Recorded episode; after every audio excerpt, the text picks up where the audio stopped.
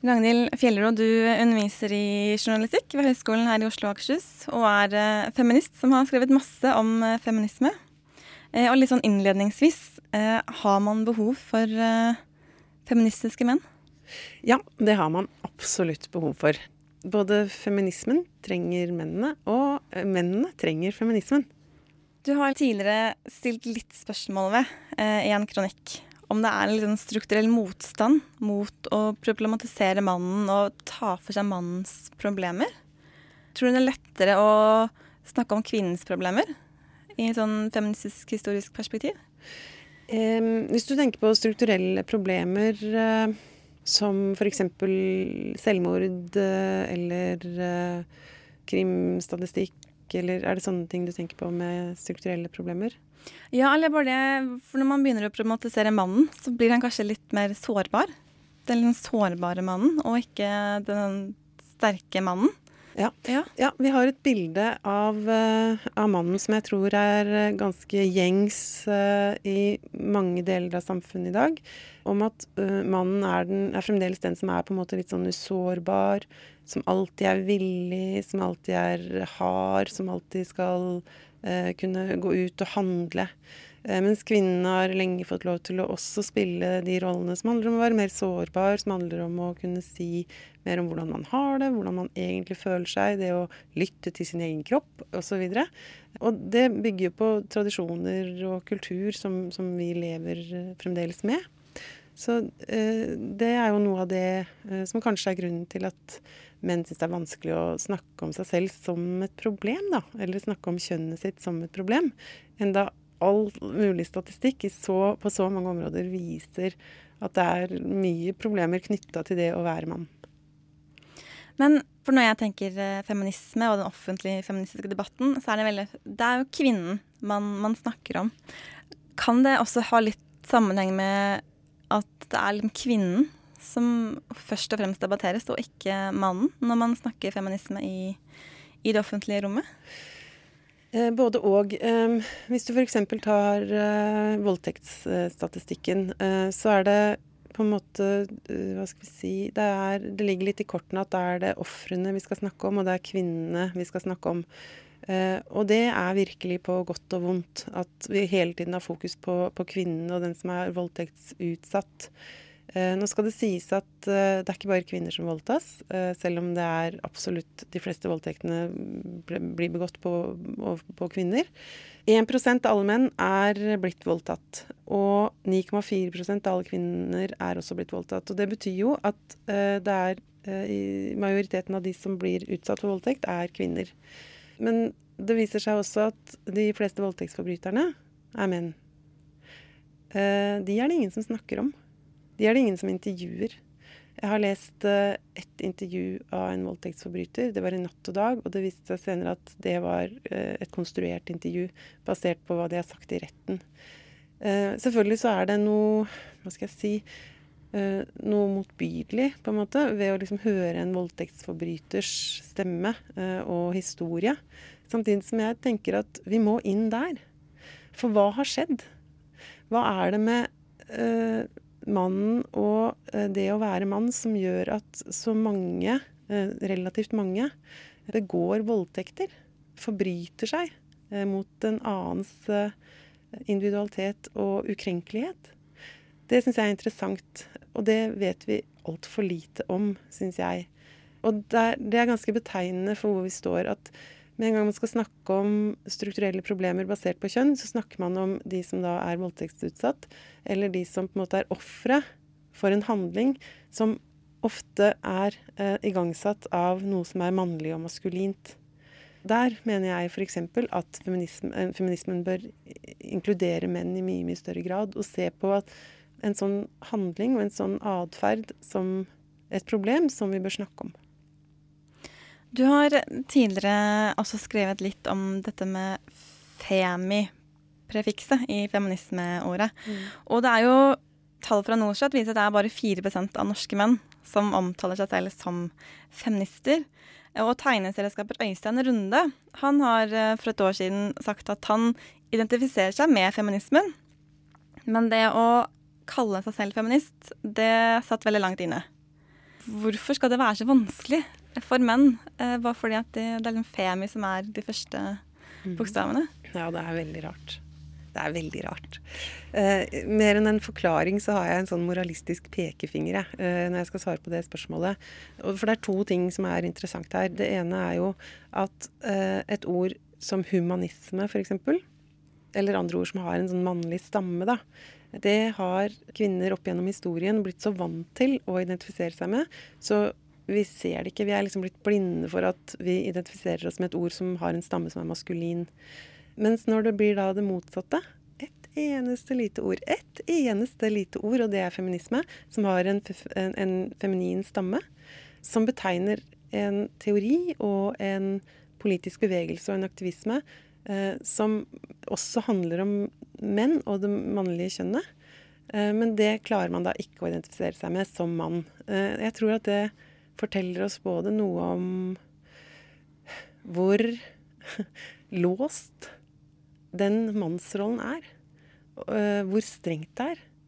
Det fins jo også forskning som viser hvordan allerede på barneskolealder så er det kjempestrenge normer for hvordan du kan oppføre deg som gutt. Eh, og hva du kan si, og hva du kan gjøre. Det mener jeg er undertrykkende. Jeg skulle ønske at menn i mye større grad var fri og følte at ja, men selvfølgelig skal jeg kalle meg feminist. Ja, OK, feminin stamme. Og så spiller ingen rolle. Det andre jeg har lyst til å si om det, det er at alle disse ordene vi har som har en mannlig stamme, som er eh, overveldende, sant? De, de betegner jo noe som på en måte er liksom for hele menneskeheten, som er noe allment. sant? Eh, kvinnekampen har holdt på i 100-200 år, kanskje lenger enn det òg. Og så kommer dette begrepet feminisme opp underveis som en betegnelse på da, en kamp mot urettferdighet basert på, eh, på, kjønn.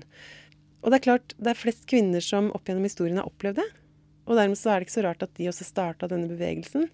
Men da er det jo underlig at man ikke kan se at den formen for undertrykkelse eh, var det kvinnene som først ble opptatt av og først ble bevisst på. Kan man få lov til å kalle noe for noe som det faktisk eh, var den gangen? Eh, og som har sin kjerne der, da. Uten at det nødvendigvis utestenger liksom et mannlig perspektiv og et, et maskulint perspektiv. Så derfor, Jeg har også vært inne på tanken at sånn, nei, kanskje vi bare skal finne et annet ord. Jeg er sikkert like redd på å finne et ord som er kjønnsnøytralt, for da kan liksom alle være med. Men så er det noe i meg som blir sånn Fader heller. Litt, litt kred kan man vel gi liksom, til de som har kjempa i så mange, mange år.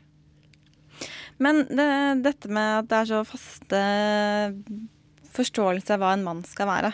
Man har jo hørt dette 'la mannen få lov til å være mann'. Men i feminisme så har man jo etter hvert blitt veldig opptatt av eh, Man skal ikke kun snakke om én eh, type kvinner man må dekke eller inkludere alle typer kvinner. Er det en slags motsetning for mannen? For det virker jo som at eh, de snakker med mannen og mann med stor M, og at det ikke er noen variasjon i, i hva en mann er.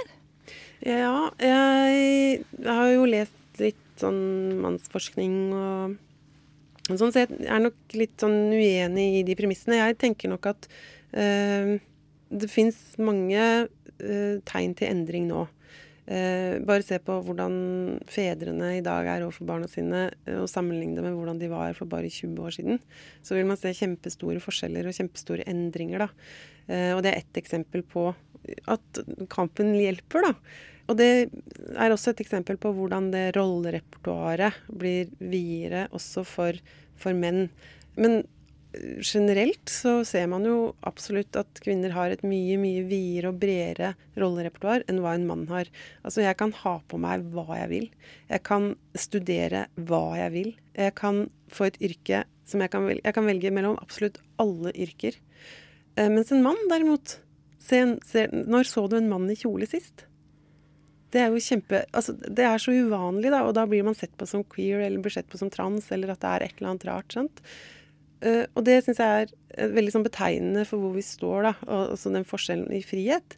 At kvinner på mange måter er mye friere i sin rolleutøvelse enn hva, enn hva menn er fremdeles. Så den uh, kampen der, f.eks., den tenker jeg godt kan kjempes innafor feminismen, da. For mannens del. Hvis menn har lyst til å komme og si 'fader heller, jeg har lyst til å være fri', jeg har lyst til å bestemme sjæl', jeg har lyst til å være hva jeg vil', så kan de ta den kampen innafor feminismen. I, eh, I, 2007 eh, så lagde daværende regjering et panel eh, med menn som skulle diskutere litt sånn mannens problemer. Blant annet fedrekvote, likeverdig foreldreskap og menns legeangst. Og det her fikk veldig mye kritikk.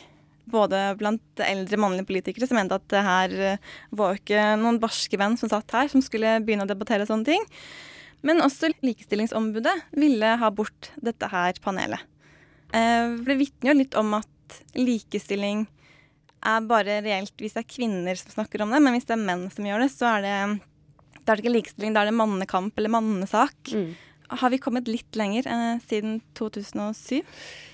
Ja, jeg tror vi har kommet lenger. Jeg tror det er blitt en større bevissthet eh, rundt at eh, menn eh, lider under sitt eget kjønn og at det er en opptatthet av det. Eh, og det er ikke tull. Bare se på selvmordsstatistikken, så viser den at det er så klart flertall blant menn. Se på voldsstatistikken, klart flertall av menn. Se på de som faller ut av skolen, klart flertall av menn. Og dette er strukturelle forskjeller som, som ligger der, og som, som, har en forklaringsmodell i kjønn. da. Helt sikkert også andre forklaringsmodeller, men også kjønn. Og det tror jeg man blir mer og mer bevisst på, samtidig som jeg kjenner jo det de gangene jeg har skrevet om mannsrollen. Eh, så er det en sånn seig motstand. Eh, og det er en sånn ofte en reaksjon som er litt sånn åh, slapp av du, da. Dette ordner seg ut, dette går greit. Altså, dette er ikke egentlig noe problem. En tendens til bagatellisering og, og at det ikke liksom er verdt å bry seg så mye med. Og det syns jeg jo er underlig. Så her har vi en jobb å gjøre jeg tenker jo at når Harald Eia kommer med alle disse erfaringene sine, nå skal han liksom snakke rett fra levra og være skikkelig ærlig og bare si det akkurat sånn som det er, og så kommer han ut med alle de her liksom fordomsfulle betraktningene sine som skaper reaksjoner. Og da er det egentlig to ting han gjør. Det ene er jo at han skaper de her reaksjonene som egentlig er litt sånn bakstreverske og litt sånn at du får opp en del grums. Og det andre han gjør, er jo å vise noe som vi ellers ikke har adgang til. Fordi vi ikke helt våger å si hvordan vi opplever det. Fordi enten det er, det er politisk ukorrekt, eller nei, noen kommer sikkert til å steile og bli irritert på meg, eller Så da tør vi ikke å si det. Og det syns jeg at Harald Eia skal ha litt honnør for, da. At han liksom våger seg utpå og ja, egentlig blottlegger seg litt. Og blottlegger sine svake sider. Eh, svake sider som vi alle har, på ulike måter. sant? Så det syns jeg er fint. Du er en av flere som har liksom etterlyst flere menn Eh, de må ta tak i og diskutere disse problemene, som feminismen, eller i hvert fall kvinner, gjør, da, med selvmordsstatistikk. Eh, det er så mange menn som er i trafikkulykker. Tror du kanskje Harald Eia kan bane litt vei nå, ved å liksom bryte litt ut med sine erfaringer? Det hadde jo vært eh, skikkelig digg hvis han klarte det, men jeg tror det er en veldig sånn svær skute å snu. Det ligger utrolig mye seige holdninger eh, i folkesjela. eh, men som man merker ganske fort bare man er ute i den virkelige verden. En ting er jo å snakke med folk som har de samme politiske preferansene, og som på en måte har snakka en del om feminisme og likestilling og kvinner og menn og maskulinitet og femininitet og sånn. Eh, men med en gang man begynner å snakke med folk som ikke er så opptatt av det i utgangspunktet, så kommer de her litt sånn ja, irriterende holdningene fram, da det, man fokuserer på kvinners utseende mm, og seksualiserer dem i mye større grad enn man gjør på menn. At, at, at, det er masse, og masse andre ting også. Litt sånn hva skal du snakke, du som er kvinne? Litt sånn nå har vel du snakka lenge nok, du skravler og skravler og skravler, mens en mann bare kan prate og prate og prate, og alle er helt sånn uh, lydhøre og, og hør, han snakker. sånn, sånn, at det er masse sånne ting som ligger liksom eh, der og ulmer, da. Og som vi kanskje vel bør snakke om. Jeg opplever vel at det er en sånn boom for feminismen eh, nå, og som jeg er kjempeglad for at kommer. Det er mange som sier at uh, nei, nå er de drittlei feminisme, og feminisme er kjempefarlig og for meg, det skal man passe seg for og sånn. Og det tror jeg rett og slett er et symptom på at nå begynner noe å skje, da. Uh, at nå driver vi og pusher sånn at vi kan komme enda videre, på en måte. Så det er et godt tegn at feminister og feminisme blir skjelt ut. Jeg opplever da, som ikke har levd all verdens tid, at man i det siste har vært veldig sånn fokusert på å opplyse folk om hva feminisme egentlig er. Alle som er innenfor å inkludere flest mulig. Eh, er det en litt sånn eh, Er du enig at det har vært en trend de siste årene? Um, jeg er enig i at det har vært en trend i veldig, veldig veldig mange år. Uh, allerede da jeg uh, studerte litteraturvitenskap uh, på 90-tallet og leste feministisk teori, så husker jeg at det irriterte meg litt. og det kan man godt si var litt umodent av meg som student. men jeg irriterte meg litt over at man hele tiden skulle problematisere dette begrepet feminisme. Ønska vel at det skulle være litt mer sånn cut and crap, og kan vi ikke bare bestemme at det heter det, da. Eh, men innafor en sånn akademisk tradisjon så har man lenge holdt på med å problematisere det begrepet, og det fortsetter vi med i dag. Eh, det som er synd, er jo eh, at man ikke klarer å på en måte få hvis, altså Det er synd hvis en sånn type begrepsavklaring skal hindre oss fra å faktisk ta de kampene vi er nødt til å ta. At vi hele tiden skal holde på med en form for merkelappsetting, da, for å liksom distansere oss fra det ene eller det andre. For da får vi masse sånne bindestreksfeminister. Sant? At vi får blåfeministene, eller at vi får eh, livmorsfeminismene, eller whatnot-feministene. um, og, og det, det, jeg skjønner behovet for at uh, man vil ha en riktig merkelapp, hvis det først skal settes merkelapper. Men jeg forstår ikke helt hvorfor vi skal være så opptatt av de merkelappene i utgangspunktet. Jeg ser det heller sånn, kolon. Kvinner har sine uh, utfordringer og sine uh, problemer knytta til det å være kvinne i samfunnet vårt i dag. Det må vi forsøke sammen å kjempe for at blir bedre. Menn har uh, utfordringer og problemer knytta til det å være mann. Det må vi forsøke å jobbe med, sånn at de får det bedre. Disse to kampene er parallelle. Og de er på mange måter strukturelt helt like, bortsett fra at selve innholdet er ulikt. En kvinne vil kjempe for andre typer rettigheter enn hva en mann vil kjempe for. Eh, det som skjer i debatten, er jo at kvinner og menn, eh, i stedet for å gå side om side og skjønne at det er den samme kampen vi kjemper, så snur de seg mot hverandre, og så begynner de å kaste gam på hverandre. Og for meg er det totalt meningsløst. For jeg lurer på hvor skal den kampen ende? Er det da sånn at man til slutt skal ende opp med en vinner? Og hvem vinner? Og hva skal den vinneren gjøre? Og hva skal den vinneren bruke seieren til? Og hva skal taperen bruke tapet til? Jeg forstår ikke helt hvor man vil med en sånn type kamp som handler om å kjempe kvinner mot menn. Så det hadde vært utrolig digg hvis uh, folk slutta med den uh, idiotien der, og skjønte at vi kjemper samme kamp.